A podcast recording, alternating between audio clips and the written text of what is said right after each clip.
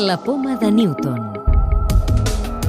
En Purificació Barceló i Miquel Jarque. Avui a la poma de Newton parlem de la llum làser i del grafè. Institut de Ciències Fotòniques, ICFO, al Parc Tecnològic de la Mediterrània, Castelldefels, al Baix Llobregat. Amb llum tothom sap que es fan algunes coses, com per exemple veure. El que menys gent sap és que avui en dia amb llum es fa bàsicament de tot. Doncs es, eh, es talla, s'enganxa, es solda, s'esborra, s'escriu, s'escalfa, es refreda, es diagnostica, es cura, es comunica...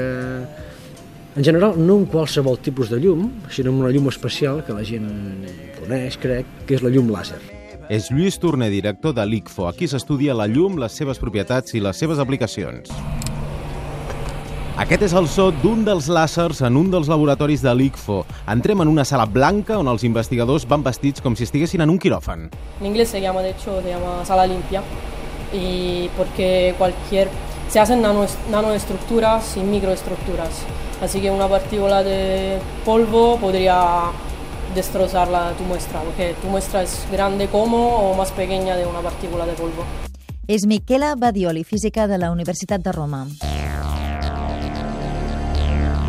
Aquesta investigadora estudia les característiques del grafè, un material de futur molt abundant a la Terra i amb grans propietats. Que es un eh, material de eh, solo una capa de átomos y estudiamos las propiedades optoelectrónicas. Puede ser útil para hacer eh, fotorreveladores y también para mm, eh, como celdas solares eh, y cosas así.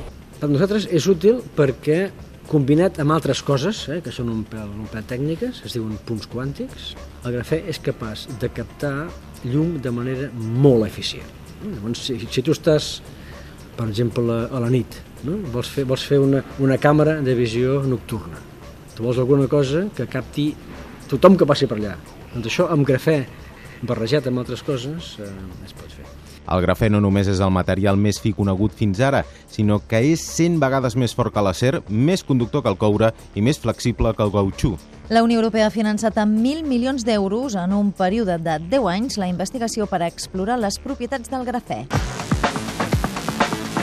Ara, altres notícies en format breu descobreixen restes d'un camell gegant que va viure a l'Àrtic. L'animal va viure fa uns 3 milions i mig d'anys a l'extrem nord-àrtic del Canadà quan a la zona hi havia un bosc durant una fase d'escalfament global del planeta. La Unió Europea ha autoritzat el primer medicament per reduir el consum d'alcohol en pacients amb dependència. En els assajos clínics que s'han fet hi ha hagut un percentatge elevat d'èxit. Un 40% dels pacients han pogut reduir el consum d'alcohol al primer mes. La NASA troba el planeta més petit fins ara, fora del sistema solar descobert a 210 anys llum de la Terra i que entraria dins de la zona habitable del cosmos. Es diu Kepler 37b. Té una mida semblant a la Lluna i orbita al voltant d'una estrella molt similar al Sol, a la constel·lació de la Lira. La clau de volta.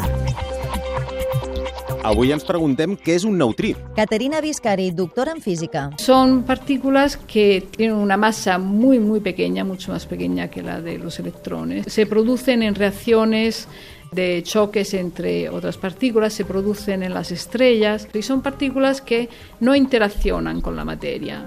Por lo tanto, atraviesan la materia sin que nos enteremos. En este momento, cada uno de nosotros está atravesado por millones de neutrinos y no nos enteramos.